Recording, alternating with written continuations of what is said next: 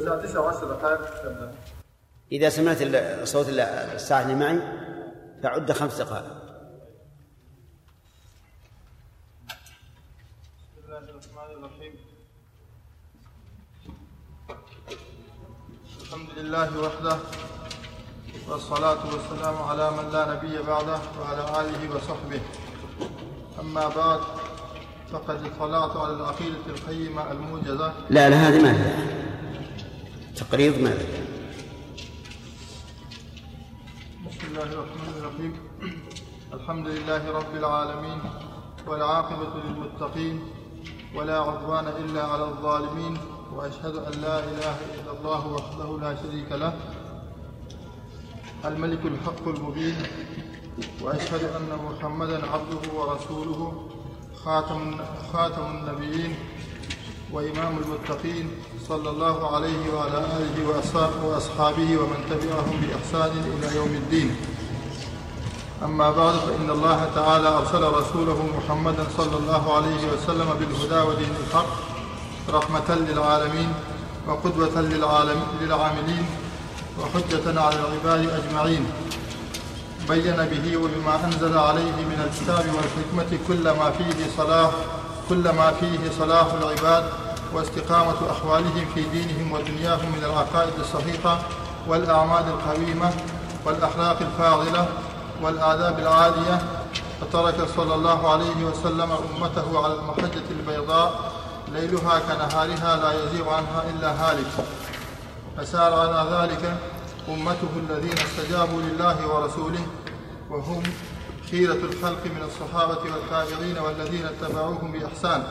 فقاموا بشريعته وتمسكوا بسنته وعضوا عليها بالنواجذ عقيدة وعبادة وخلقا وأدبا. فصاروا هم الطائفة الذين لا يزالون على الحق ظاهرين لا يضرهم من خذلهم أو خالفهم حتى يأتي أمر الله تعالى وهم على ذلك. نبدأ. بسم الله الرحمن الرحيم. الحمد لله رب العالمين وصلى الله وسلم على نبينا محمد وعلى آله وأصحابه ومن تبعهم بإحسان إلى يوم الدين. أما بعد فهذا أول الشروع في هذه في هذه الرسالة الصغيرة لفظا الكبيرة معنى ومضمونها اعتقاد أهل السنة والجماعة في صفات الله تعالى وفيما يتعلق بالأمر بال باليوم الآخر وما سيمر بك إن شاء الله. واعلم أن العلماء رحمهم الله قسموا التوحيد إلى ثلاثة أقسام توحيد الربوبية وتوحيد الألوهية وتوحيد الأسماء والصفات. قسموه هذا التقسيم بناء على التتبع والاستقراء. واستئناسا بقول الله تبارك وتعالى رب السماوات والأرض وما بينهما فاعبده واصطبر لعبادته هل تعلم له سميا. فإن هذه الآية الكريمة تضمنت أنواع التوحيد الثلاثة. رب السماوات والأرض هذا إيش؟ الربوبية. آه، نعم رب السماوات والأرض وما بينهما الربوبية. فاعبده واصطبر لعبادته أيضا تبع. هل تعلم له سميا؟ الأسماء والصفات لأن معنى هل تسمع هل تعلم له سميا؟ أي لا تعلم له نظيرا ومساويا في أسمائه وصفاته. وقد قال بعض الناس إن تقسيم التوحيد إلى هذه الأقسام الثلاثة بدعة لأن ذلك لم يرد عن النبي صلى الله عليه وعلى آله وسلم وما كان من أمور الدين لم يرد عن النبي صلى الله عليه وعلى آله وسلم فإنه بدعة. ولكن نجيب عن هذا فنقول إن أشياء كثيرة رتبها العلماء لم تكن مرتبة في عهد الرسول عليه الصلاة والسلام وهذا لا يعدو أن يكون بيانا وتوضيحا. فالذين قسموه إلى ثلاثة أقسام لم يأتوا بزائد ولم ينكروا ثابتا بل أتوا بما جاءت بما جاء به الكتاب والسنة ولكن قسموه. وقسموه باعتبار اختلاف الناس فيه كما سيبين إن شاء الله. ولو أننا سلكنا هذا المسلك الذي سلكه هذا الشاذ لقلنا أيضا إن عد شروط الصلاة وأركانها وواجباتها وأركان الحج وواجباته ومحظوراته وما أشبه ذلك لقلنا إنه من من البدع. ونحن لا نذكر هذا متعبدين لله به ولكننا نذكر هذا مقربين للعلم إلى طلابه. فهو إذن وسيلة وليس قصدا. فالصواب بلا شك أن تقسيم التوحيد إلى ثلاثة أقسام وذكر الشروط والأركان والواجبات والمفسدات في العبادات كل هذا جائز. لأنه من باب إيش؟ من باب الوسائل والتقريب. وحصر الأشياء لطالب العلم. ونحن نذكر أن الرسول عليه الصلاة والسلام كان يذكر الأشياء محدودة بالعدد. مثل سبعة يظلهم الله في ظله ثلاثة لا يكلمهم الله يوم القيامة وأشبه ذلك. وهذا نوع من التقسيم. أما توحيد الربوبية فلم ينكره أحد من الناس.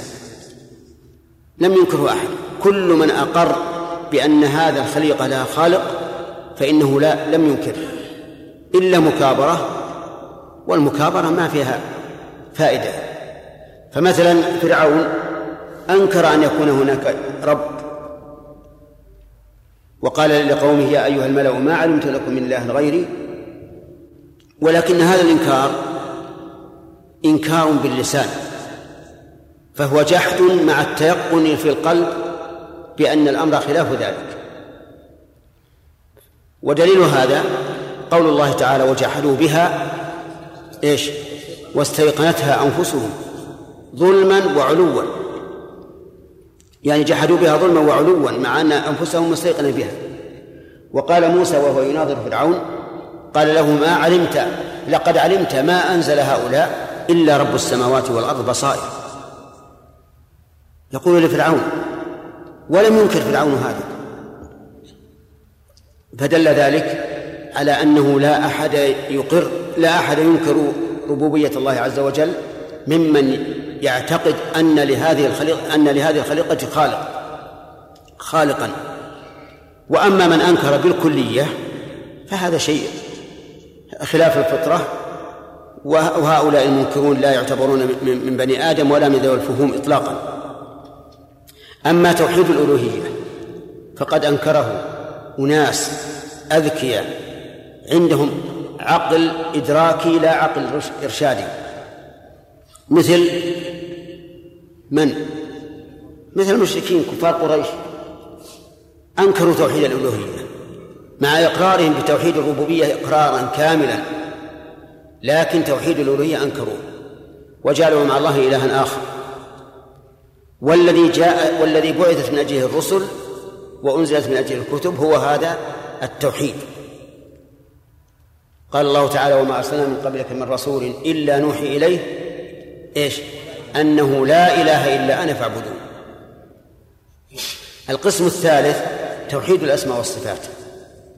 أقر به المسلمون كلهم لكن أنكره بعض طائفة بعض طوائف من المسلمين.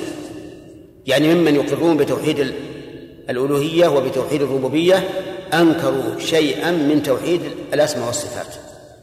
فمنهم من عطل ومنهم من مثل.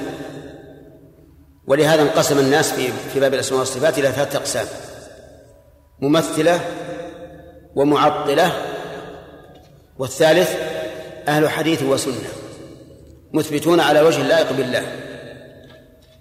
فمن ثم اضطر اضطر العلماء إلى أن يقسموا التوحيد إلى هذه الأقسام ليبين ليبينوا للناس من خالف في هذا التوحيد ومن وافق. وعلى هذا فالأمة الإسلامية بأهل السنة سنتها وأهل بدعها كلها أمة مسلمة ما لم تصل البدع إلى حد التكفير. ويقرون بتوحيد الربوبية وبتوحيد الألوهية. لكن خاضوا في الأسماء والصفات خوضا عظيما وافترقوا فيه فرقا عظيمة لذلك اضطر العلماء رحمهم الله إلى أن يكتبوا في باب الأسماء والصفات ويبين للناس الحق فيها ما بين مختصر ومتوسط ومطول حتى يستقر الحق في قلوب المؤمنين. ومن ذلك هذه الرسالة. يقول مؤلفها الحمد لله رب العالمين والعاقبة للمتقين ولا عدوان إلا على الظالمين. أما الحمد لله رب العالمين فقد أثنى الله بها على نفسه. في قوله في سورة الفاتحة الحمد لله رب العالمين. والعاقبة للمتقين كذلك أخبر الله بها في كتابه. تلك من أنباء الغيب نوحيها إليك ما كنت تعلمها أنت ولا قومك من قبل هذا. بعده فاصبر إن العاقبة للمتقين. مؤكدة بإن. وهذا يعني أن الإنسان يجب عليه أن ينتظر الفرج. وأن يصبر ما دام متقيا لله عز وجل فالعاقبة ستكون له. وإذا قلنا ستكون له ليس المعنى أنه يجب أن يدرك هذه العاقبة في حياته. أبدا مو شرط. قد تكون العاقبة له فيما يدعو إليه من الحق ولو بعد مماته. ولهذا نجد بعض الدعاة مات بالتعذيب ولم يذق حلاوة العاقبة التي أمر الله بها لكن كان قوله من بعده موروثا عنه فيكون قد ذاق طعم العاقبة التي للمتقين. ولا عدوان إلا على الظالمين. العدوان هنا عدوان مكافأة وليس ابتداء لأن العدوان الابتدائي إيش؟ ظلم والظالم لا يفلح. لكن العدوان الذي هو ردع للظلم هذا يكون على على الظالمين. كما قال الله تعالى ولا فلا عدوان إلا على الظالمين. كل ظالم نعتدي عليه بمثل ظلمه واعتداؤنا عليه ليس هذا من باب الظلم بل هو من باب إزالة الظلم. وأشهد أن لا إله إلا الله وحده لا شريك له وقد سبق بيانها في الدرس الماضي. ولا حاجة للتكرار. الملك الحق المبين. هو جل وعلا ملك وهو مالك. ولهذا جاءت قراءتان في سورة الفاتحة ملك يوم الدين ومالك يوم الدين. والقراءتان سبعيتان صحيحتان. وإذا ضممت أحدهما إلى إحداهما إلى الأخرى صار صار المعنى أنه ملك مالك. ملك ومالك. وأيهما آه، أبلغ في الوصف؟ إن قلت ملك أخطأت.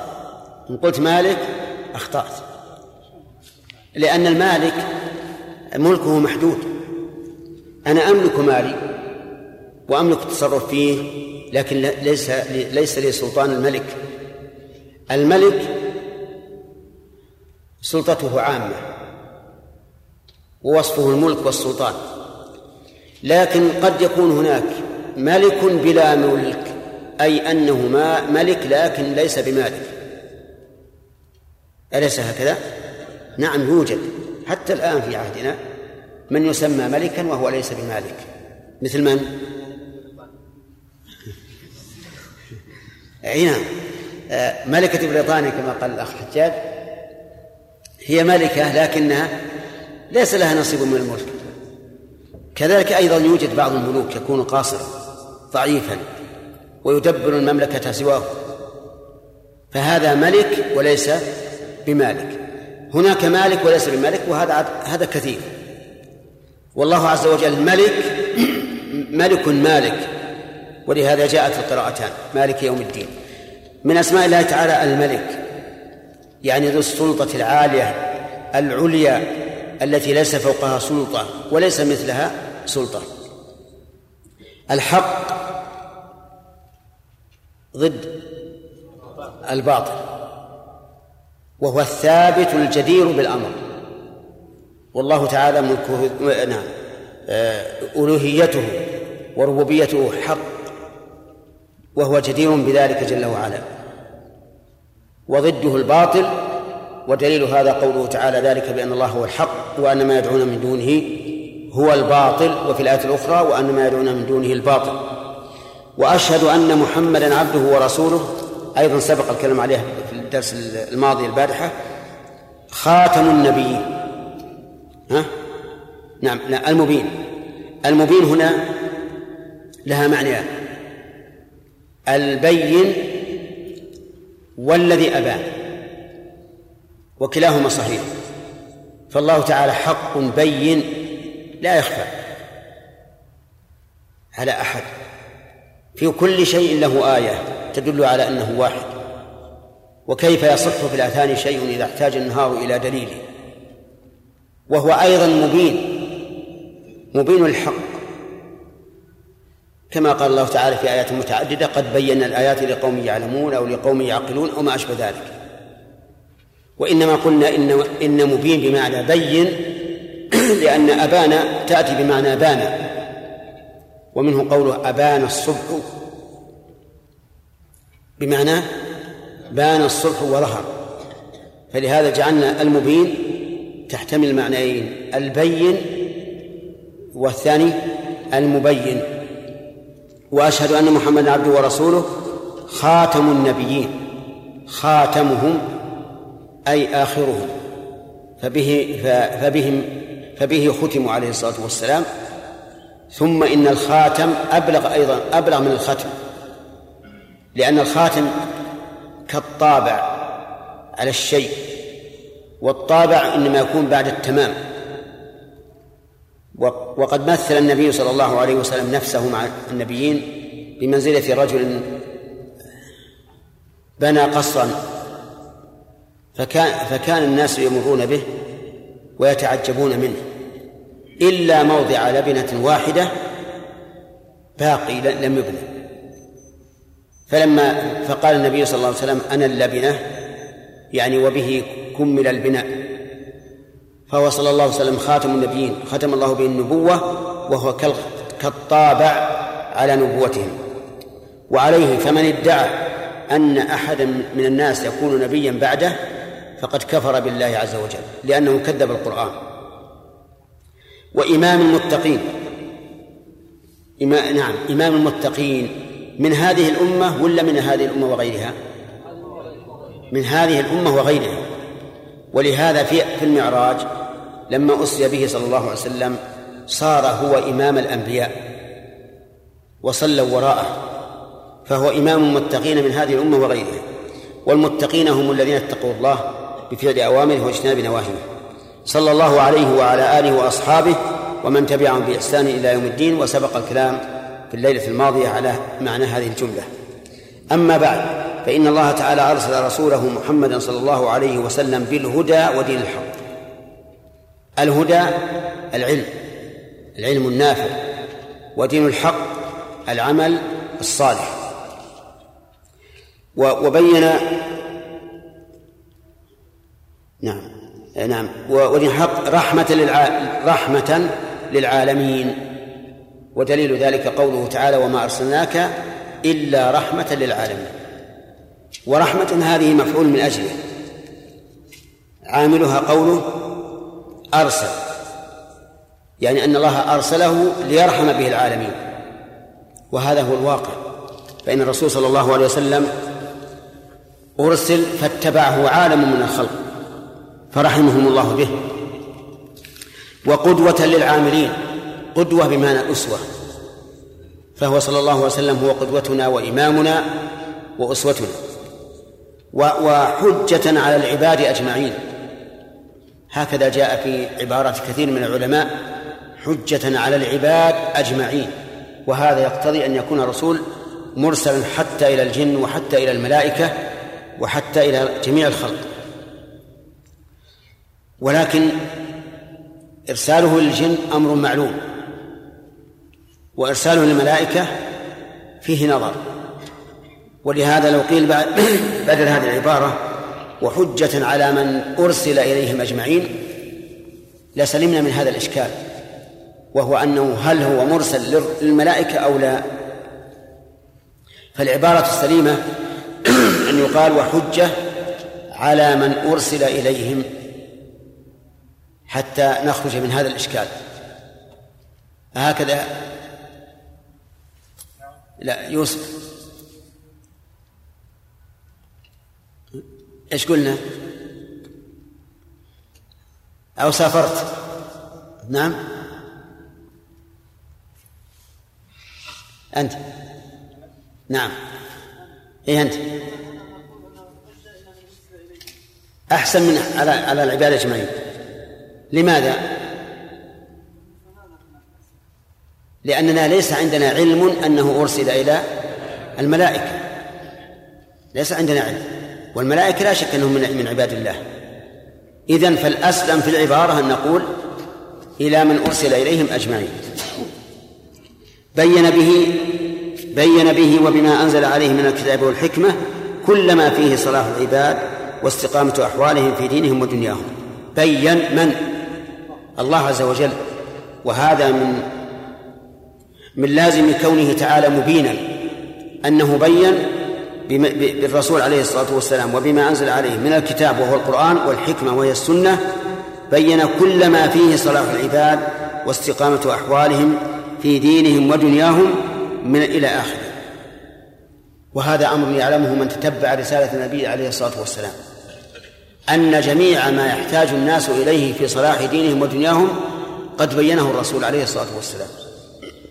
قال أبو ذر استمل هذه العبارة.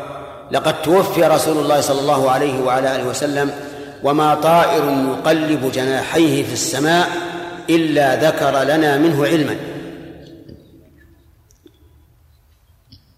فقوله وما طائر يطير بجناحه في السماء يعني معناه بين كل شيء. وقال رجل من المشركين لسلمان الفارسي رضي الله عنه لقد بين لكم رسولكم حتى القراءة قال نعم كل شيء علم ثم ساق سلمان رضي الله عنه لهذا الرجل المشرك قد لقد نهانا أن نستقبل القبلة بغائط أو بول أو أن نستنجي باليمين أو أن نستنجي برجيع أو عظم. وعلم الرسول كيف نلبس كيف نخلع كيف نقوم كيف نقعد كيف ننام كل شيء. ما بقي شيء نحتاج إليه إلا بينة. ثم إنه صلى الله عليه وسلم إذا ذكر شيئا وتبين أن المصلحة في خلافه رجع. قدم المدينة ووجد الناس يلقحون النخل. يصعد الإنسان إلى الفحل وهو ذكر النخل فيأتي منه آه، بشماريخ يضعها في شماريخ النخل. ثم تلقح وتكون تمرا جيدا. لما قدم النبي صلى الله عليه وسلم المدينة ووجد أنهم يعني يتكلفون بالصعود والنزول مرتين مرة في الفحل ومرة في في الأنثى. قال لو أنكم تركتم هذا. قصد بهذا الإرفاق والتسهيل عليه. لو تركتم هذا. فظنوا أن هذا وحي من الله تركوه. فلما تركوه صار الثمر شيصا يعني فسد. فلما حصل هذا قال النبي صلى الله عليه وسلم أنتم أعلم بأمور دنياكم وأذن لهم أن يؤبروا. هل رجع عما قال أولا؟ رجع عما قال أولا لأنه إنما يبين الناس ما يحتاجون إليه وينفعهم. كل ما يحتاج الناس إليه فإنه أخبرهم به. وقد قال الله تعالى في كتابه ونزلنا عليك الكتاب تبيانا لكل شيء. كل شيء مبين في القرآن. وذكر لي أو قرأت قديما ترجمة للشيخ محمد عبده المصري المشهور. أنه كان في باريس وكان في مطعم والمطعم يضم المسلمين والنصارى واليهود وكل أحد لأنها بلد كفر. فجاءه رجل من النصارى وقال له أيها الشيخ إن كتابكم في هذه الآية ونزلنا عليك الكتاب تبيانا لكل شيء. فإن كنت مؤمنا بذلك فأخبرني كيف يصنع هذا الطعام. وهو سندويتش ورز ولحم وأشياء أخرى. أين هذا يوجد في القرآن؟ هل هذا موجود؟ قال نعم هذا موجود في القرآن. هذا النصراني يريد أن يكون القرآن آه، كتاب مطبخ. يعلم الناس كيف يطبخون. قال موجود في القرآن. قال أين هو؟ فنادى صاحب المطعم وقال تعال كيف صنعت في هذا الطعام؟ قال صنعت فيه كذا وكذا وذكر تحضير المواد وكيف تطبخ وكيف تصلح. قال هكذا في القرآن. يقول محمد عبده هكذا في القرآن. فتعجب النصراني قال إن الله يقول فاسألوا أهل الذكر إن كنتم لا تعلمون. وهذه قاعدة في كل شيء مو خاص بالعلم الشرعي. كل شيء لا نعلمه نسأل عنه أهله المختصين به. وهذا توجيه. فوجهنا القرآن أننا إذا لم لم نعلم الشيء نسأل أهل الاختصاص به. فسألنا هذا الرجل فأخبرنا. فبهت الذي كفر. ما يستطيع أن يقول شيئا. فإذا نبينا عليه الصلاة والسلام علم الناس كل شيء. هل هل علمهم ما يعتقدونه في الله عز وجل في أسمائه وصفاته وأفعاله؟ الجواب نعم. لا شك هذا أولى ما علمهم وأوجب ما علمهم. كيف يعلمهم أن أن يجلس الرجل على القراءة على وجه معين ثم لا يعلمهم ما هي صفات الله عز وجل؟ ولهذا قال شيخ الإسلام رحمه الله في قول أهل التفويض أهل التفويض يقول إذا جاءك آية أو حديث في صفات الله ففوضه لا تكلم فيه أبدا. وكن معه كالأمي. يقول رحمه الله إن قول هؤلاء من شر أقوال أهل البدع والإلحاد. بل قال إن الفلاسفة لم يتسلطوا على المسلمين إلا بمثل هذا القول. لما قال هؤلاء نحن أميون بالنسبة لمعاني آيات الصلاة وأحاديثها قالوا يلا أنتم أميون معنى الأمي أنه جاهل.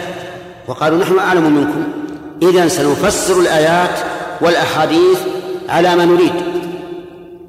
لأن نحن نقول نحن نعلم إن هذا المعنى. نعلم أن هذا معناها وهو محرف لا شك.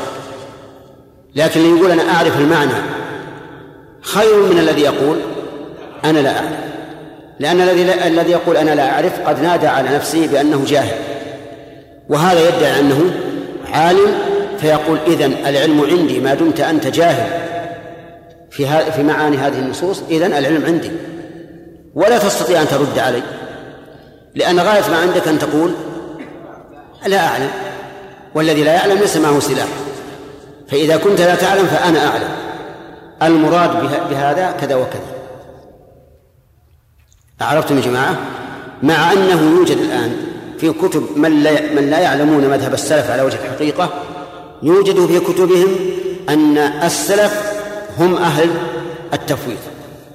ولهذا جاء في كلامهم أهل السنة قسمان أهل تفويض وأهل تأويل.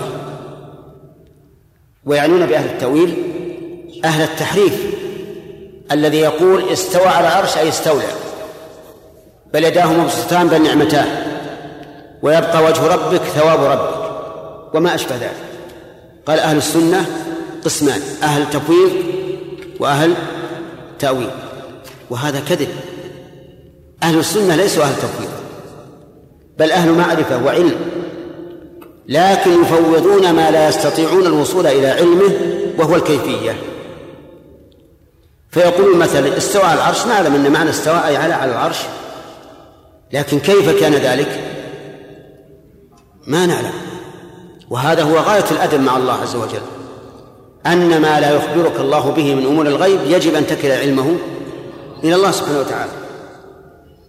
فالحاصل أن الرسول صلى الله عليه وسلم علم أمته كل ما يحتاجون إليه في أمور دينهم ودنياهم حتى إنه إذا تكلم بكلام يظن أنه مناسب ثم تبين أنه ليس كذلك رجع عنه كما في قصة إيه التأبير ولكن بالمناسبة أخذ بعض العلماء ولا سيما المتأخرون المعاصرون أخذوا من قوله أنتم أعلم بأمور دنياكم ما لا يحتمله النص. قالوا إن هذا شامل للتصرف وشامل للحكم. بمعنى أن نحن نعلم كيف نصنع الباب وكيف نبني البناء وكيف نشيد نعم. نشيد ال ما نشيده من قصور وغيرها. نعلم هذا. ونعلم أيضا حكم هذه الأشياء. حتى قالوا إذا كان الربا سببا لرفع اقتصاد الماء البلد فإنه جائز. داخل في قوله أنتم أعلم بأمور دنياكم. وهذا غلط. لأن الأحكام مرجعها إلى من؟ إلى الله ورسوله وما اختلفتم في شيء فحكمه إلى الله. لكن الصنائع وكيف يصنع هذا وكيف يحول من من من وجه إلى وجه هذا نعم نحن أعلم به. ولهذا تجد يأتي إنسان لا يعرف الدين ولا يعرف العلم الشرعي يعرف كيف يصنع هذا هذا مكبر الصوت. ويأتي إنسان عالم من أبرز العلماء في الشرع لا يعرف كيف يشغل هذا هذا الجهاز. أليس كذلك؟ طيب الأول أعلم بأمور الدنيا من من العالم.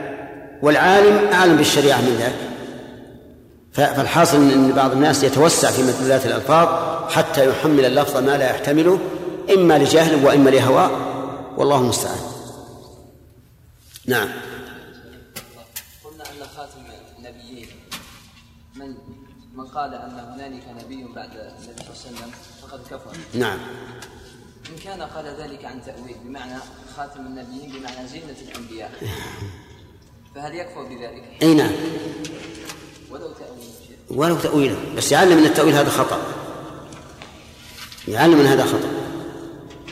وقد جاءت السنة صريحة غاية الصراحة بأنه لا نبي بعد محمد صلى الله عليه وسلم. فقال ختم بي النبيون. وقال لعلي بن أبي طالب حين خلفه في غزوة تبوك في أهله قال أنت مني بمنزلة هارون من موسى إلا أنه لا نبي بعدي. وهذا أمر معلوم بالضرورة من الدين ما في إشكال. نعم. قريش كانوا ينكرون تطبيق الاسماء والصفات ان بعض العلماء قال بقوله تعالى وما الرحمن أيضا ما أنكر عليهم إلا هذا الاسم. نعم. هم ينكرون بعض الاسماء بعض الأسماء الرحمن أنكروه. حتى إنه في صلح الحديبية لما قال النبي صلى الله عليه وعلى آله وسلم للكاتب اكتب باسمك بسم الله الرحمن الرحيم. قال لا لا ندري ما الرحمن. وكانوا يقولون لا رحمن إلا رحمن اليمامة. فقال الرسول عليه الصلاة والسلام اكتب باسمك اللهم. كما اقترحوا مندوب قريش. نعم. بين قوله خاتم خاتم النبيين وبين خروج عيسى في اخر الزمان؟ إي نعم. عيسى عليه الصلاة والسلام لا يأتي بنبوة جديدة. وعيسى قد بعث قبل محمد لكنه يأتي مكملا لرسالة الرسول عليه الصلاة والسلام بإذن الرسول وإقراره. لأن الرسول أخبر بأنه لا يقبل إلا الإسلام وأنه يضع الجزية ويقتل الخنزير ويكسر الصليب. وكل هذا من شريعة الرسول عليه الصلاة والسلام. نعم. عبد الله عوض. من بعض من ينتسب إلى العلم بمناسبه يعني أنتم اعلم بدنياكم من ينكر حديث الذباب الذي يامر بانه اذا وقع في فان الانسان يغوص ثلاث مرات لا مرة واحدة. أو مرة واحدة. وجاء فريق آخر يريد يعني أن يرد عليهم. وقال إن هذا حديث الذباب هو حديث صحيح لكن هذا من باب العادة التي لم يكن الرسول يعلمها. فهل تفسيره هذا صحيح؟ لا هذا غلط. لأن الرسول عليه الصلاة والسلام قال هذا معلل قال في أحد جناحيه داء وفي الآخر شفاء أو دواء. وقد أثبت الطب الآن أثبت الطب أن فيه كما قال الرسول عليه الصلاة والسلام في أحد جناحيه داء وفي الآخر شفاء. وأن في أحد الجناحين غدة غدة صغيرة يعني يمكن لا تدرك ولا بالعين. غدة صغيرة لا تنفجر حتى يغمس الجناح الآخر. ثم يزول ما فيها من الأثر. يعني كأنه داء ودواء كما جاء في الحديث. والأكل هنا أو الأمر بالغمس بالأكل هنا للإباحة وإلا على ظاهره؟ لا هذا هذا للإباحة يعني لو أن الإنسان ما اشتهى هذا الشيء بعد أن غمس الذباب في في اللبن لم يشتهيه ما ما يقال إنك عصيت. نعم. شيخ قول الملك الحق نعم. الحق من أسماء الله إي نعم من أسماء الله. لكنه لا ينبغي كما نفهم نسمع الآن في المتأخرين قال الحق قال الحق بدل قال الله فإن الله أشرف الأسماء فيقول قال الله كما جاء في القرآن كثيرا. قال الله تعالى قال الله أما أن يقال الحق قال الحق فإنه لا يعطي الهيبة التي تعطيها قال الله. نعم. انتهى الوقت. اي طيب تفضل. الحمد لله رب العالمين والصلاة والسلام على خاتم الأنبياء والمرسلين وعلى آله وأصحابه أجمعين.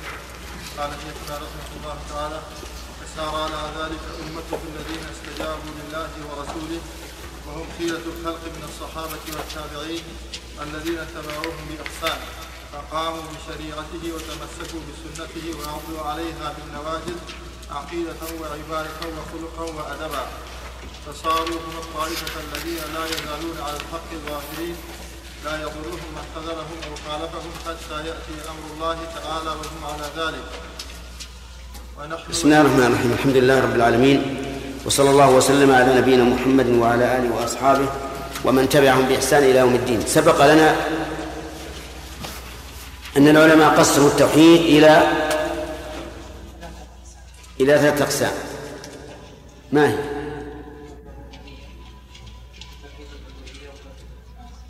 طيب. وسبق لنا أن من الناس من أنكر هذا التقسيم وقال إنه لم يرد. فما هو الجواب على ذلك؟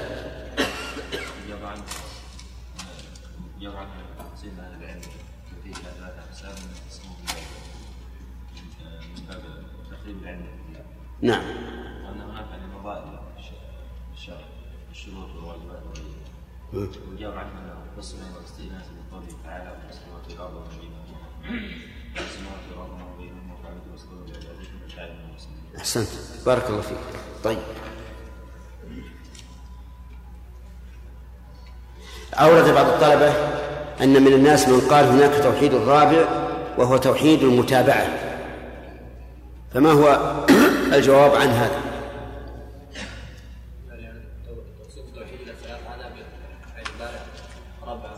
نعم. إيه، يعني الجهة منفكة. طيب. وقلنا إن الأولى أن يقال تجريد المتابعة بمعنى أن لا تتابع إلا الرسول صلى الله عليه وسلم وهذا ما يعبر عنه أو ما يعبر به شيخ الإسلام وابن القيم لهذا المعنى. آه، هل هناك دليل يدل على أن شريعة النبي صلى الله عليه وسلم عامة في كل شيء؟ في العقائد والأخلاق والمعاملات وغيرها.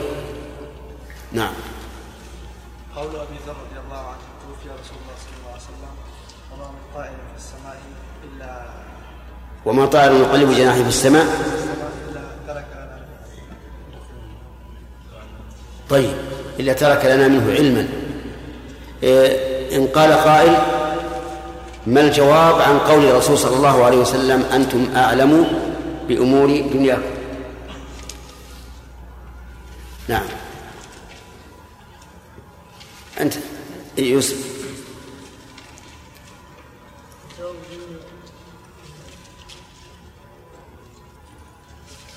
هذا في مسألة أمور الدنيا في أمور الأفعال الدنيوية هل يجوز أن أو يسأل؟ من هو؟ لا. طيب. يعني في أمور الصناعة وما يتعلق بذلك نحن أعلم لكن في أمور الشريعة وهذا حلال وهذا حرام. أكمل وأبلغ تم أي. أفهمتم جوابه؟ يعني في أمور الصناعة والبناء وما أشبه ذلك نحن أعلم لكن في أمور الشريعة وهذا حلال وهذا حرام؟ أعلم به الله الرسول آه، الله ورسوله أعلم. طيب. اشتبه هذا الحديث على بعض الناس في العصر الحاضر فأباحوا به. نعم. ها؟ لا أباحوا بشيء معين الربا. نعم. وسموه الربا الاستثماري.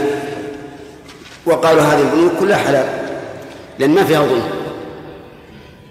وهل يمكن أن نرد عليهم؟ نعم. قل الحكم في الربا عام وقد أتى الشرع بتحريمه فلا يمكن أن يكون في مصلحة. نعم. وفي الحقيقة أننا لم نذكر مثالا آه، يلقم هؤلاء حجرا وهو أن الرسول عليه الصلاة والسلام أتي إليه بتمر جيد. فقال ما هذا؟ كل تمر خيبر هكذا؟ قالوا لا لكن نأخذ الصاع من هذا بالصاعين والصاعين بالثلاثة. فقال هذا عين الربا. وأمر أن يباع التمر الرديء أولا ثم يشترى بثمنه تمرا جيدا. فهنا هل فيه ظلم؟ إذا أخذنا صاعا جيدا وأعطينا بدله صاعين رديئين قيمتهما كقيمة الصاع الجيد؟ ما في ظلم. ومع ذلك قال الرسول إنه علم الربا. والغريب أن هؤلاء الذين يطنطنون بأن الشريعة الإسلامية إنما رتبت العبادة فقط والغريب أنهم يتجاهلون أن أطول آية في كتاب الله آية الدين وكلها في المعاملات. ما فيها شيء للتعبد. ثم يأتون يقولون إن إن إن الدين الإسلامي لا يراد به إلا ترتيب المعاملة مع مع الخالق عز وجل. نبدأ الآن الدرس يقول فصار على ذلك أمته الذين استجابوا لله ورسوله وهم خيرة الخلق من الصحابة والتابعين والذين اتبعوهم بإحسان. إيش؟ اي نعم طيب. إيه إيه نعم. من العقائد الصحيحة والأعمال القويمة والأخلاق الفاضلة والآداب العالية. العقيدة هي ما يحكم به الإنسان في قلبه وقد تكون صحيحة وقد تكون غير صحيحة. يعني يحكم بقلبه في شيء على شيء. إن وافق الحق فهو صحيح وإن خالف فهو باطل. والفرق بين العقيدة والعلم أن العلم تدرك الشيء على ما هو عليه تدركه على ما هو عليه. والعقيدة تعقد قلبك عليه وتثبته أو تنفيه. فالعقيدة أعم من حيث إنه قد يصيب الإنسان الحق والواقع وقد لا يصيبه وأما العلم فإنه يصيبه قطعا. وهي أخص من حيث إن العلم إدراك والعقيدة حكم. ولهذا فسرها بعضهم بأنه حكم الذهن الجازم حكم الذهن الجازم هو العقيدة. فإن طابق فحق وإن خالف فإن نعم فإن طابق الواقع أو طابق الشرع في الأمور الشرعية فحق وإلا فهي باطلة. فصار الفرق بين العقيدة والعلم أن العلم إيش؟ إدراك بلا حكم. وأما العقيدة فهي حكم. ثانيا أن العلم يطابق الواقع. والعقيدة قد تخالف الواقع. ولهذا قد تعتقد أن فلانا آه، تاجر. وليس بتاجر أو عالم وليس بعالم. تعتقد أن هذا حرام وليس بحرام. لكن تعلم أنه حرام معناه أنه حرام. إذا مثل قوله تعالى حرمت عليكم الميتة تقول حرام. لأنها صريحة. فالعقيدة إذن هي حكم الذهن الجازم. فإن طابق إيش؟ فصحيح. وإن خالف ففاسد. استقامة الأعمال القويمة. الأعمال القويمة تشمل العبادات لأنها أعمال قويمة. كما قال تعالى دينا قيما. الأخلاق الفاضلة. الأخلاق ما يتخلق به الإنسان في معاملة الناس. من اللين والبشاشة وما إلى ذلك. والآداب العالية ما يتأدب به الإنسان في نفسه بحيث لا يعمل أعمالا تخل بالمروءة. فترك أمته صلى الله عليه وسلم على المحجة البيضاء ليلها كنهارها لا يزيغ عنها إلا هالك. المحجة الطريق والبيضاء ضد السوداء وغيره من الألوان. فهي طريق أبيض نير لا يزيغ عنه إلا هالك. فسار على ذلك أمته الذين استجابوا لله ورسوله وهم خيرة الخلق من الصحابة والتابعين والذين اتبعوهم بإحسان. خيرة الخلق طبعا بعد الأنبياء لأن أفضل الخلق هم الأنبياء ثم الصديقون ثم الشهداء ثم الصالحون. والأصناف الثلاثة بعد النبيين كلها موجودة في الصحابة ففيهم الصديق وفيهم الشهيد وفيهم الصالح فهم خيرة هذه الأمة. فقاموا بشريعته وتمسكوا بسنته وعضوا عليها بالنواجذ عقيدة وعبادة وخلقا وأدبا. فصاروا هم هم فصاروا هم الطائفة الذين لا يزالون على الحق ظاهرين لا يضرهم من خذلهم أو خالفهم حتى يأتي أمر الله وهم على ذلك. وهذا كما حدث به النبي عليه الصلاة والسلام بأنه لا لا تزال طائفة من أمتي على الحق ظاهرين لا يضرهم من خالفهم حتى يأتي أمر الله وهم على ذلك فما هو أمر الله؟ أمر الله سبحانه وتعالى هو الأمر الكوني الذي يقضي بفناء كل أهل الخير حتى لا تقوم الساعة إلا على شرار الخلق كما ثبت عن النبي عليه الصلاة والسلام وكما ثبت عنه أنه قال لا تقوم الساعة حتى لا يقال الله الله. فيفنى المؤمنون كلهم ولا يبقى إلا شرار الخلق. فالمراد إذن بأمر الله الأمر الكوني الذي فيه فناء فناء الصالحين. ونحن ولله الحمد على آثارهم سائرون وبسيرتهم المؤيدة بالكتاب والسنة مهتدون. هذا خبر عن عقيدة المؤلف وليس من باب من باب التمدح. وإن كان الإنسان مأمورا بأن يثني على الله عز وجل ويحدث بنعمته كما قال تعالى وأما بنعمة ربك فحدث. فيقول نحن س... نعم نحن على آثارهم سائرون وبسيرتهم المؤيدة بالكتاب والسنة. وقول المؤيدة بالكتاب والسنة هذا وصف كاشف وليس وصفا مقيدا لأن سيرة أولئك القوم كلها مبنية على الكتاب والسنة. وهذا من حيث الجملة وإن كان بعضهم قد يخطي فلا يصيب السنة لكن من حيث الجملة هم مصيبون لأنهم على الكتاب والسنة. نقول ذلك تحدثا بنعمة الله تعالى وبيانا لما يجب أن يكون عليه كل مؤمن. إنما قال المؤلف ذلك لئلا يقال إنه يفخر بنفسه أن كان على سيرة هؤلاء. فهو يقول من باب التحدث بنعمة الله بنعمة الله وكذلك بيان ما يجب أن يكون عليه كل مؤمن. ونسأل الله تعالى أن يثبتنا وإخواننا المسلمين بالقول الثابت في الحياة الدنيا وفي الآخرة وأن يهب لنا منه رحمة إنه هو الوهاب. ولأهمية هذا الموضوع وتفرق أهواء الخلق فيه أحببت أن أكتب على سبيل الاختصار عقيدة إلى آخره عقيدتنا عقيدة أهل السنة والجماعة. قول على سبيل الاختصار يقول العلماء المختصر هو الذي قل لفظه وكثر معناه لأن الكلام ينقسم إلى ثلاثة أقسام إطناب واختصار واقتصار.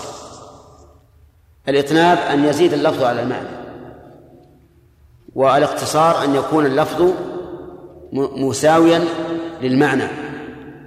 والاختصار أن يكون اللفظ أقل من المعنى بمعنى أن أن يكون ألفاظا قليلة ولكنها تحمل معاني كثيرة.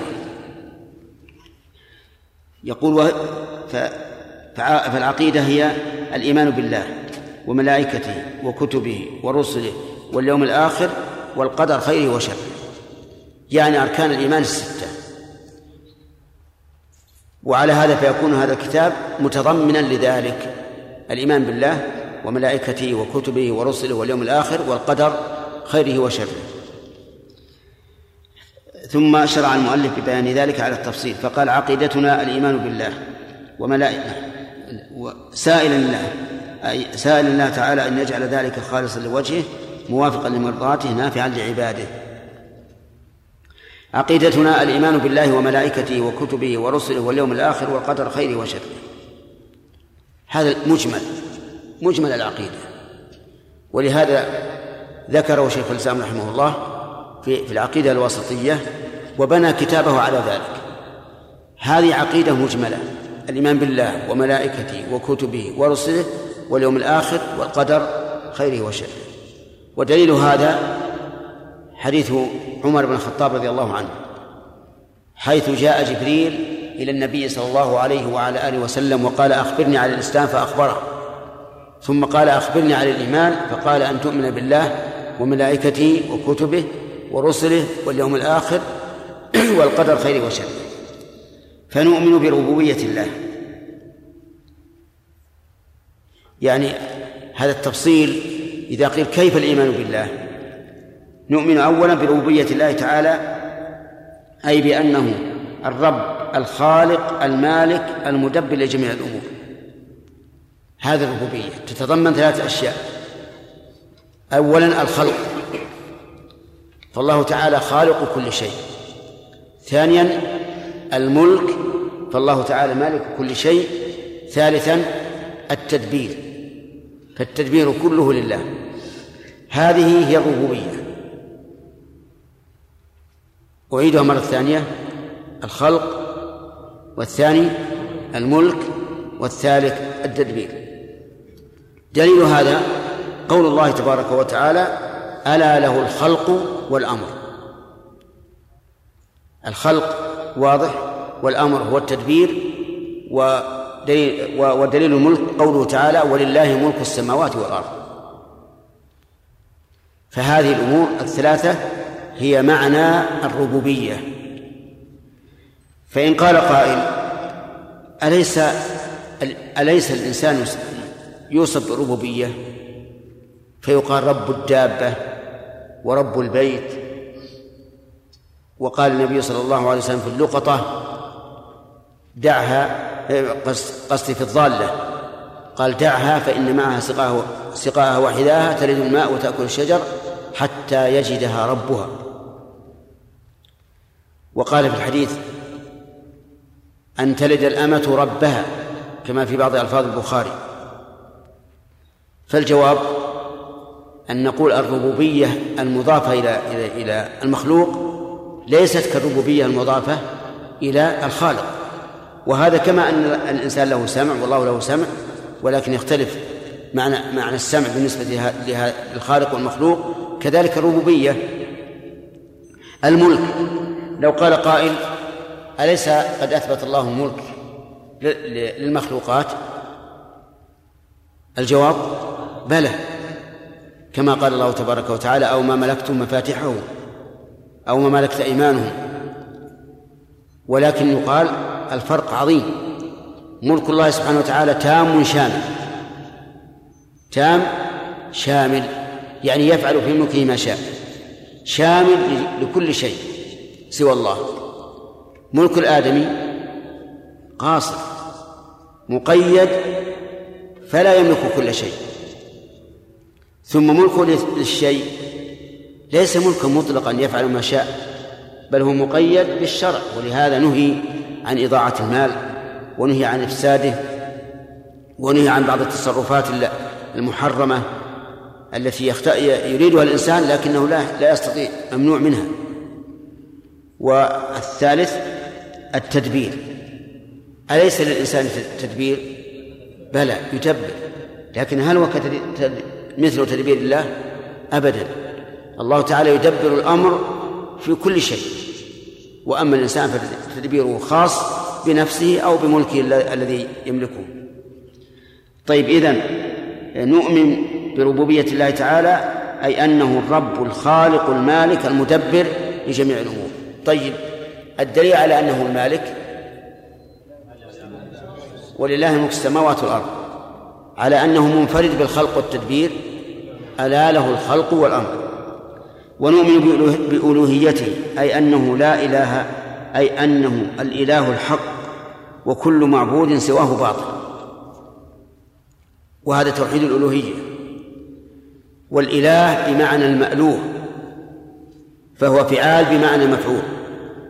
وفعال بمعنى مفعول ترد كثيرا في اللغة العربية مثل غراس بمعنى مغروس وبناء بمعنى مبني وفراش بمعنى مفروش فإله بمعنى مألوه. فما معنى المألوه؟ معناه المعبود تذللا ومحبة. هذا هو المألوه. المعبود تذللا ومحبة. قد يعبد الإنسان الشيء لكن لا ليس تذللا. كما قال النبي صلى الله عليه وسلم تعس عبد الدينار تعس عبد الدرهم تعس عبد الخميصة لكنه ليس تذللا. وتعبد الله تعالى وتعبد له ومحبة. لكن تعلق قلبه به جعله كالعابد له. طيب قلنا الإله بمعنى إيش؟ وهو المعبود تذللا له ومحبة. كل معبود سواه فإنه باطل. ودليل هذا قوله تبارك وتعالى شهد الله أنه لا إله إلا هو والملائكة وأولو العلم قائما بالقسط لا إله إلا هو العزيز الحكيم. ما يعبد من دون الله فإنه إله لكنه إله باطل. مجرد تسمية كما قال تعالى إن هي إلا أسماء سميتموها. والدليل على أنها آلهة أن الله سماها آلهة. فقال تعالى فما أغنت عنهم آلهتهم التي يدعون من دون الله من شيء. وقال تعالى ولا تدع مع الله إلها آخر. لكنها لكنها ألوهية باطلة مجرد اسم. ولهذا قال وما سواه باطل. فما هو الدليل على هذه الجملة؟ الدليل قوله تعالى ذلك بأن الله هو الحق وأن ما يدعون من دونه هو الباطل. نؤمن كذلك بأسمائه وصفاته أي بأن له الأسماء الحسنى والصفات الكاملة العليا. نؤمن بذلك لأن الله تعالى قال ولله الأسماء الحسنى فأثبت لنفسه سبحانه وتعالى الأسماء الحسنى فنؤمن بذلك. نؤمن بالصفات العليا لأن الله تعالى قال ولله المثل الأعلى والمثل بمعنى الوصف والدليل على أن المثل بمعنى الوصف قوله تعالى مثل الجنة التي وعد المتقون فيها أنهار من ماء غير آسن إلى آخر. مثلها أي وصفها. إذا نؤمن بأن الله تعالى له الأسماء الحسنى والصفات العليا والدليل ما ذكرنا لكم. ولله الأسماء الحسنى فادعوه بها. الله لا إله إلا هو له الأسماء الحسنى. أما الصفات العليا فلقوله تعالى ولله المثل الأعلى والأعلى كما تعلمون اسم تفضيل. فصفات الله تعالى أعلى ما يكون من من الصفات. طيب إذا قال قائل ما الفرق بين الأسماء والصفات؟ قلنا الفرق بينهما أن الأسماء تسمى الله بها وأما الصفات فوصف الله بها بها نفسه. والصفات أعم من الأسماء لأن كل اسم متضمن لصفة وليس كل صفة متضمنة للاسم. ولهذا نصف الله بأنه صانع كما قال تعالى صنع الله الذي أتقن كل شيء لكن هل نسميه بأنه الصانع؟ لا. آه، كذلك أيضا نصف الله تعالى بأنه يستهزئ بالمنافقين. لكن هل نسميه المستهزئ؟ لا. كذلك نصف الله بأنه يمكر بمن, بمن مكر به وبأوليائه ولا نسميه الماكر فالصفة أعم من الاسم إذ كل اسم متضمن لصفة وليس كل صفة متضمنة لاسم. إلى إلى آخر إن شاء الله. انتهى الدرس؟ نعم. على الله عالم لا نقول العليم ونقول عالم بكل شيء. عالم بكل شيء لأن العليم أبلغ من العالم. لكن نخبر عنه بأنه عالم لكن لا نسميه بهذا. نعم. القسم بصفة الله يجوز.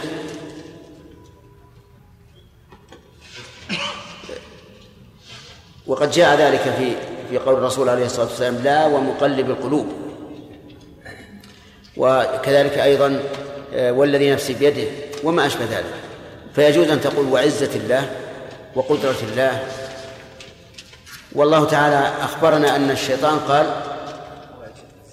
فبعزتك لأغوينهم أجمعين. وهذا قسم بدليل أن جوابه قرن باللام ونون التوكيد.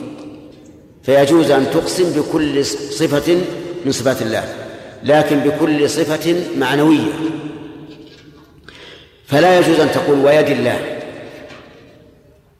أما وجه الله فإنه لما كان يعبر بالوجه عن الذات صح أن تقسم بوجه الله. فتقول أقسم بوجه الله لأفعلن كذا. لكن لا تقل أقسم بيد الله. أما الصفات المعنوية فلا بأس. أقسم بعلم الله أقسم بحياة الله هذا يجوز. نعم.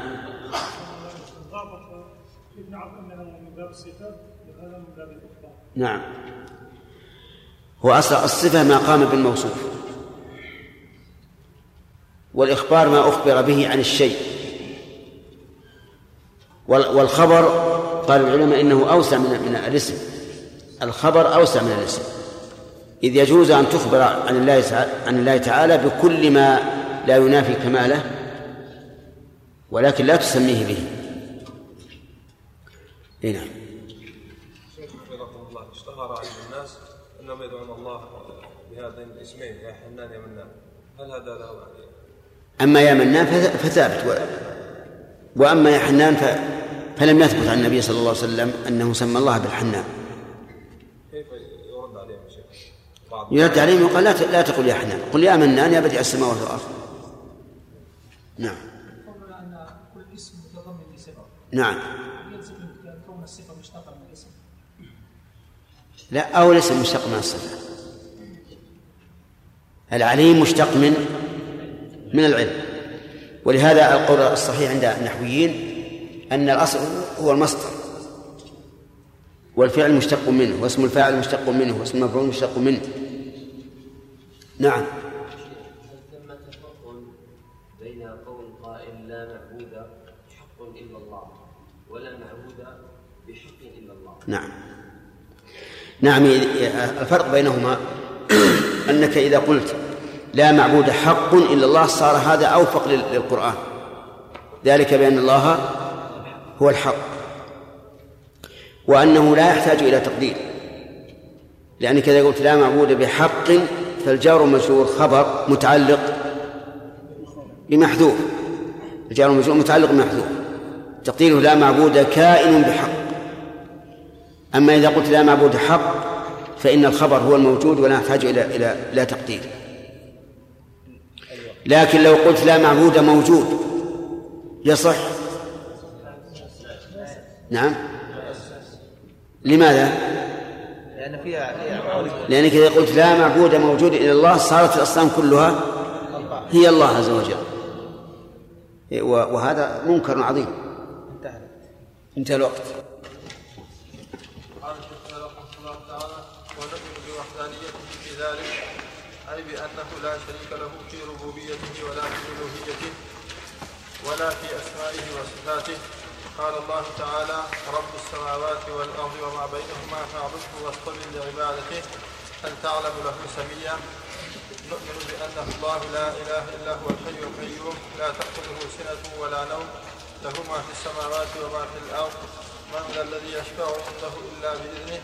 يعلم ما بين أيديهم وما خلفهم. ولا يحيطون بشيء من علمه إلا بما شاء. وسع كرسيه السماوات والأرض. ولا يؤوده حفظهما وهو العلي العظيم. ونؤمن بأن بسم الله الرحمن الرحيم. الحمد لله رب العالمين وصلى الله وسلم على نبينا محمد وعلى آله وأصحابه ومن تبعهم بإحسان إلى يوم الدين. سبق أننا نؤمن بربوبية الله وبألوهية الله وبأسمائه وصفاته أي بأن له الأسماء الحسنى والصفات العليا. وبينا معنى الحسنى يعني التي بلغت في الحسن أكمله. والعلي أيضا كذلك أن الذي بلغت الوصف الأعلى واستدللنا لذلك. طيب يتفرع على هذا الذي قلنا أنه لا يوجد. نبدأ بسم الله الدرس. نبدأ الدرس من الآن. يتفرع على أن الأسماء التي أثبتها الله نفسه كلها حسنى أنه لا يوجد في أسمائه اسم جامد. لا يدل على صفة أبدا. لا يوجد في أسماء الله اسم جامد لا يدل على صفة لأن الاسم الجامد ليس فيه معنى. فضلا عن أن يكون معنى حسنا. مثال الجامد مثل أسد أسد ما اسم جامد. كذلك أيضا ربما نسمي بعض الناس خالد. خالد هل صحيح أن هذا الاسم متضمن للصفة؟ لماذا؟ لأن الله يقول وما جعلنا لبشر من قبلك الخلد. ربما نسمي شخصا عبد الله وهو من أفجر عباد الله. فليس عبدا لله ربما نسمي شخصا محمد وهو مذمم ليس عنده خصلة حميدة. لكن أسماء الله متضمنة إيش؟ للمعنى. ولهذا قيل إن أسماء الله تعالى أعلام وأوصاف. إن أسماء الله أعلام وأوصاف. كل اسم فهو علم باعتبار دلالته على الذات وهو أيضا صفة باعتبار دلالته على على المعنى. أفهمتم الآن؟ نعم. آه، نقول إن إن أسماء الله تعالى أعلام وأوصاف. فباعتبار أن هذا الاسم دال أن هذا الاسم دال على الله يكون علما وباعتبار دلالته على المعنى يكون آه، صفة. طيب هل يدخل في ذلك اسم الله؟ نعم يدخل في هذا. بل هو أولى ما يدخل وأول ما يدخل. مع أن بعض العلماء رحمهم الله قالوا إن الله ليس بمشتق. بل هو مجرد علم. فنقول سبحان الله. إن الله يقول ولله الأسماء الحسنى. كيف تقول إنه مجرد علم؟ وهذا أولى ما يكون وأول ما يكون من الأسماء التي هي حسنى. فمن أين فما هو المعنى المشتق الذي يدل عليه الله؟ الألوهية. الألوهية وهذا كافر أما الصفات فكلها عليا. ولهذا لا يوصف الله تعالى بصفة فيها ذم إطلاقا. كل صفات الله منزهة عن الذم عن الذم والقدح كلها حسنى ونعم كلها عليا. وبينا الدليل أمس بأن بقوله تعالى ولله المثل الأعلى. طيب فإذا قال قائل هل يوصف الله بأنه متكلم؟ هل يوصف بأنه متكلم؟ نعم يوصف. لكن لا يسمى بأنه متكلم. لماذا؟ لأن الكلام في حد ذاته صفة عليا. لكن باعتباره اسما لا يصح أن يكون اسما لأن المتكلم قد يتكلم بخير وقد يتكلم بشر. أو بما ليس خيرا. وكلام الله تعالى منزه عن ذلك. لذلك لا لم يأتي اسما من أسماء الله. طيب مريد. يوصف الله به؟ نعم يوصف الله به لأن الله تعالى قال فعال لما يريد. لكن هل يسمى الله به؟ لا. لماذا؟ لأن الإرادة تكون إرادة خيرا وتكون غير خير غير خير. شرا أو لا خير ولا شر. والله سبحانه وتعالى منزه عن إرادة لا خير فيها. كل ما أراد كل مراد الله بل كل إرادة الله خير. كل إرادة الله خير. وأما مراده انتبه. الإرادة كلها خير. والمراد فيه خير وشر. صح؟ الإرادة خير. والمراد فيه خير وشر. فمثلا كل مخلوق فهو بإرادة الله. وهل كل المخلوقات خير؟ أجيبوا يا جماعة. لا. في المخلوقات ما هو شر؟ كالسباع والهوام وما أشبهها لكن إرادة الله لها لا شك أنها خير. أن الله لم يخلقها إلا لحكمة عظيمة. طيب له الأسماء الحسنى والصفات الكاملة العليا. وربما يأتينا إن شاء الله قواعد في هذا في هذا الأمر مهمة إن شاء الله نتكلم عليها. ونؤمن بوحدانيته في ذلك في ذلك المشار إليه الربوبية والألوهية والأسماء والصفات. فنؤمن نعم في ذلك لا ش... نعم أي أنه لا شريك له في ربوبيته ولا في ألوهيته ولا في أسمائه وصفاته. لأنه لا يمكن توحيد إلا بهذا. للتوحيد ركنان لا بد منه. إثبات الحكم للموحد ونفيه عما سواه. ولهذا نقول التوحيد لا بد فيه من ركنين نفي وإثبات. وذلك لأن النفي عدم محض والإثبات لا يمنع المشاركة. كلام عربي؟ ها؟ النفي عدم محض والإثبات لا يمنع المشاركة. فإذا قلت لا قائم في البيت لا قائم في البيت هذا نفي محض إذن هو عدم ولا وجود؟ عدم ما في قائم بالبيت. وإذا قلت فلان قائم في البيت. هنا أثبتنا قياما في البيت لكنه لا يمنع المشاركة. قد يكون فيه آخر قائم غير فلان. وإذا قلت لا قائم في البيت إلا فلان هنا صار التوحيد.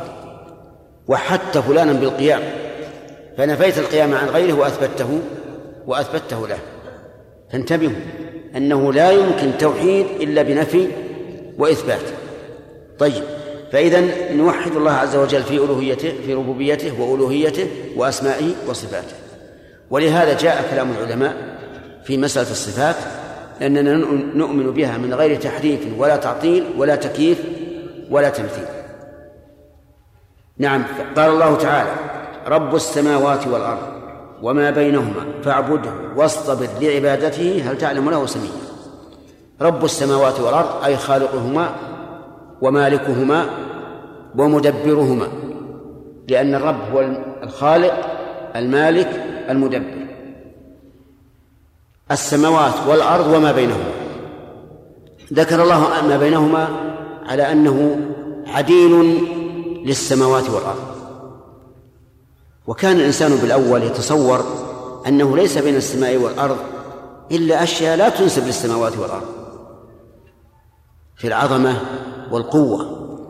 لكن بعد أن ترقى الناس بالعلم علم الكون تبين أن بين السماء والأرض أشياء يحق أن تكون عديلة للسماوات والأرض. يعني تجدون في القرآن الكريم خلق السماوات والأرض وما بينهما. كيف نص على ما بينهما مع أنه فضاء ولا نشاهد إلا نجوما وقمرا وشمسا. نقول بين السماء والأرض من مخلوقات الله العظيمة ما يقتضي أن يكون معادلا إيش؟ للسماوات والأرض. ولهذا أن تجد الناس تجد الناس الآن كل وقت يطلعون على أسرار في الكون بين السماء والأرض لم يعلم الناس عنها من قبل. وقول فاعبده واصطبر لعبادته اعبده أي تذلل له. امتثالا لأمره واجتنابا لنهيه. واصطبر لعبادته أي اصبر. لكن اصطبر أبلغ من اصبر.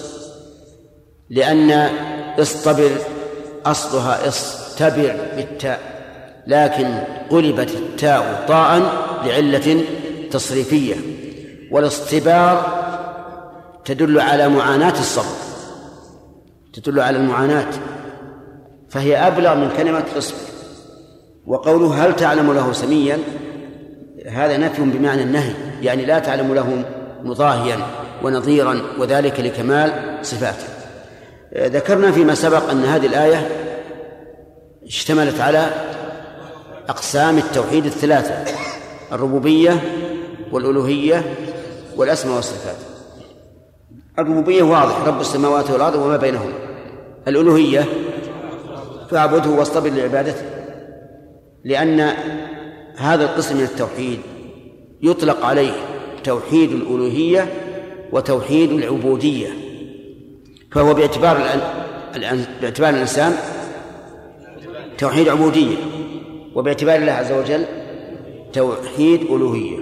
أما هل تعلم له سميا فهذا فيه توحيد الأسماء والصفات.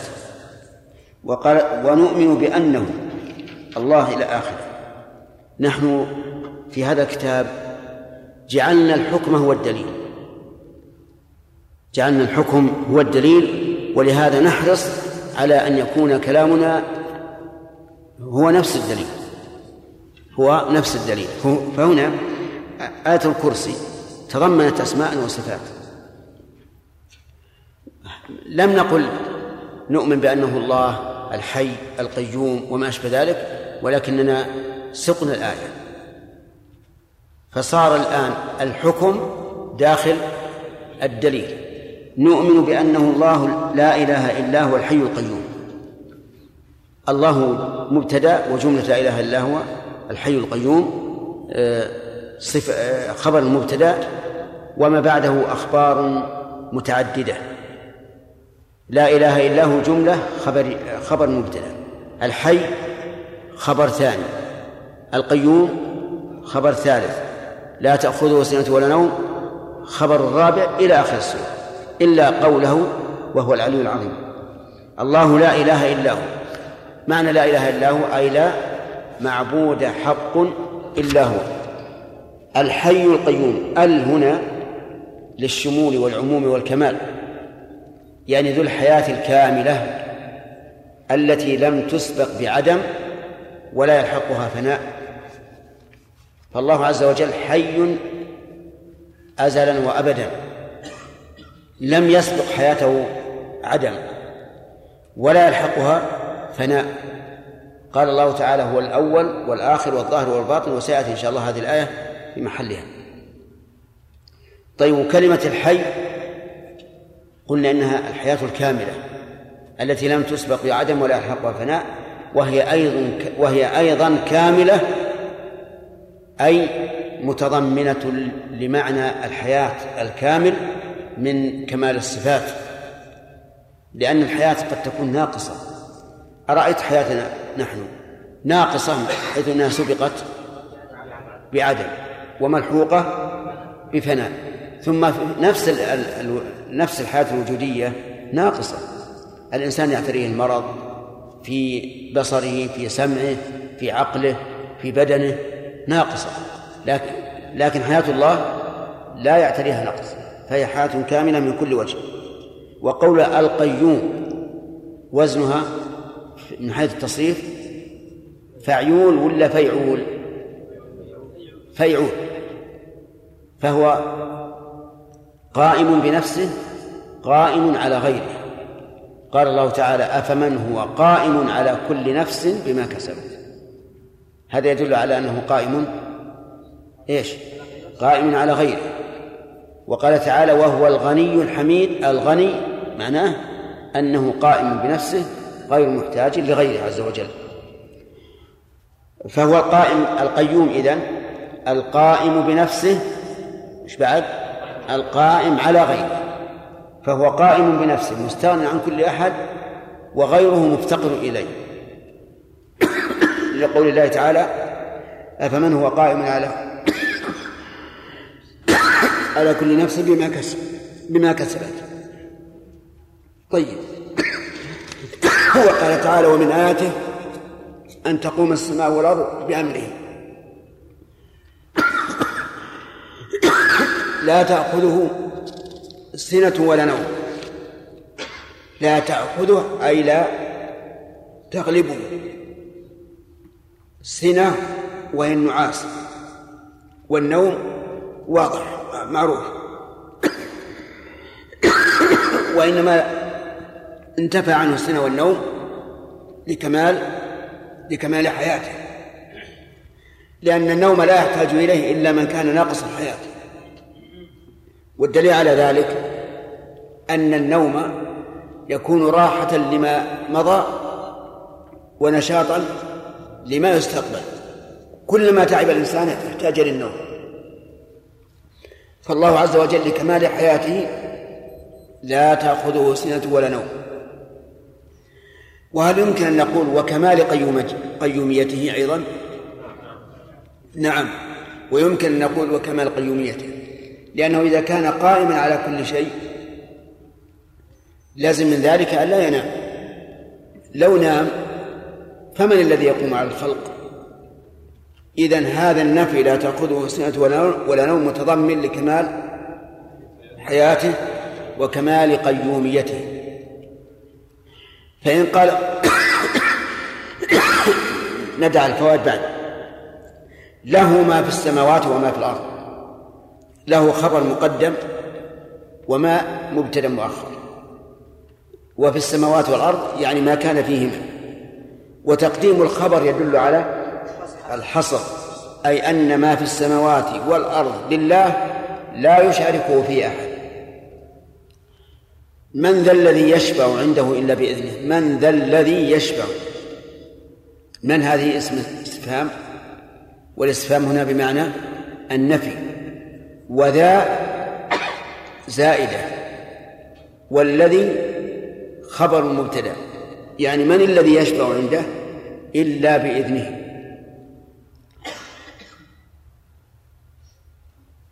طيب لو قال قال قائل أليست ذا إذا أتت بعد الاستفهام؟ تكون اسما موصولا كما قال ابن مالك ومثل ذا ما بعد ما استفهام. أو من إذا لم تلغى في الكلام؟ قلنا بلى لكن إذا جاءت إذا جاء اسم الموصول بعدها تعين أن تكون ملغاة. وهنا أتى بعد اسم الموصول ولا لا؟ يعني لو كان تركيب الآية من ذا يشفع من ذا يشفع. لقلنا ذا هنا إيش؟ اسم موصول. لكن لما قال من ذا الذي تعين أن نجعل ذا ملغاة. فإن قيل ألا يصح أن تكون ذا اسما موصولا والذي أيضا اسم موصول ويكون هذا من باب التوكيد اللفظي. وبمالك وما التوكيد اللفظي يلي يجي مكررا كقولك ادرج ادرجي. قلنا يمكن لكن يضعفه اختلاف اللفظ. لأن الأول إيش؟ ذا والثاني الذي فهو يضعف كونه توكيدا لفظيا. على كل حال هذا يعني بحث لغوي. آه، من ذا الذي يشفع عنده إلا بإذنه. يشفع. الشفاعة جعل الشيء جعل الوتر شفعا يعني الواحد يجعل اثنين والثلاثة أربعة. وهي في اللغة التوسط للغير التوسط للغير بجلب منفعة أو دفع مضرة. عرفتم؟ التوسط للغير بجلب منفعة أو دفع مضرة. فإذا توسطت لشخص بأن يبذل له إنسان مالا فهذا توسط إيش؟ بجلب منفعة ولو توسطت لإنسان عليه دين لشخص وقلت لصاحب الدين لا تحبس هذا المدين فهذا لدفع مضرة طيب. شفاعة النبي صلى الله عليه وسلم في أهل الجنة أن يدخلوا الجنة؟ نعم. وشفاعته في أهل الموقف أن يريحهم الله منه؟ هذا في دفع مضرة طيب. من ذا الذي يشفع عنده إلا بإذنه؟ يعني إلا إذا أذن. والإذن هنا إذن كوني. يعني لا أحد يشفع عند الله إلا بإذنه. يعلم ما بين أيديهم وما خلفهم. الجملة هذه خبر لقوله الله مكرر. يعلم ما- بين أيديهم أيدي من؟ الخلق. وهو مستفاد من قوله له ما في السماوات وما في الأرض. وقوله يعلم ما بين أيديهم المراد به المستقبل والحاضر. وما خلفهم إيش؟ الماضي. وعلى هذا يكون علم الله متعلقا بالماضي فلا ينساه. ومتعلقا بالم- بالمستقبل فلا يجهله. وهكذا علم الله عز وجل. علم بالسابق وعلم باللاحق. ولا يحيطون بشيء من علمه إلا بما شاء. لما بين أنه سبحانه وتعالى يعلم الحاضر والماضي والمستقبل بين علم الناس. هل علم الناس كعلم الله الشامل لا. ولا يحيطون بشيء من علمه إلا بما شاء. ولهذا نحن لا نعلم من الغيب إلا ما علمنا الله عز وجل. فالغيب مجهول لكل أحد. وقوله من علمه ما معناه؟ هل هي بمعنى ولا يحيطون بشيء من علم نفسه إلا بما شاء بمعنى أننا لا نعلم شيئا عن الله إلا بما علمنا فتكون الآية كقوله تعالى ولا يحيطون به علما أو أن علم هنا بمعنى معلوم أي لا يحيطون مما يعلمه بشيء إلا بما شاء. نعم. آه ذكرنا بارك الله فيكم فيما سبق ونذكره الآن. أن النص من القرآن والسنة إذا كان يحتمل معنيين على السواء ولا ينافي أحدهما الآخر فإن الواجب حمله على المعنيين جميعا. فنقول الناس لا يحيطون بشيء من علمه أي لا يعلمون عن شيء منه جل وعلا من أسمائه وصفاته إلا بما شاء. كذلك أيضا لا يحيطون بشيء من معلوماته إلا بما شاء وذلك لنقص علم الخلق وكمال علم الله عز وجل. وسع كرسيه السماوات والأرض وسع بمن أحاط. والكرسي قال ابن عباس رضي الله عنهما إنه موضع قدمي الله عز وجل. وهو بالنسبة للعرش أصغر بكثير. ولهذا جاء في الحديث ما السماوات السبع والأراضون السبع بالنسبة للكرسي إلا كحلقة ألقيت في فلاة من الأرض. حلقة إيش؟ حلقة الدرع. وهي حلقة صغيرة ضيقة. ألقها يا عبد الله عوض. ألقها في فلاة من الأرض. كم تسع من الأرض؟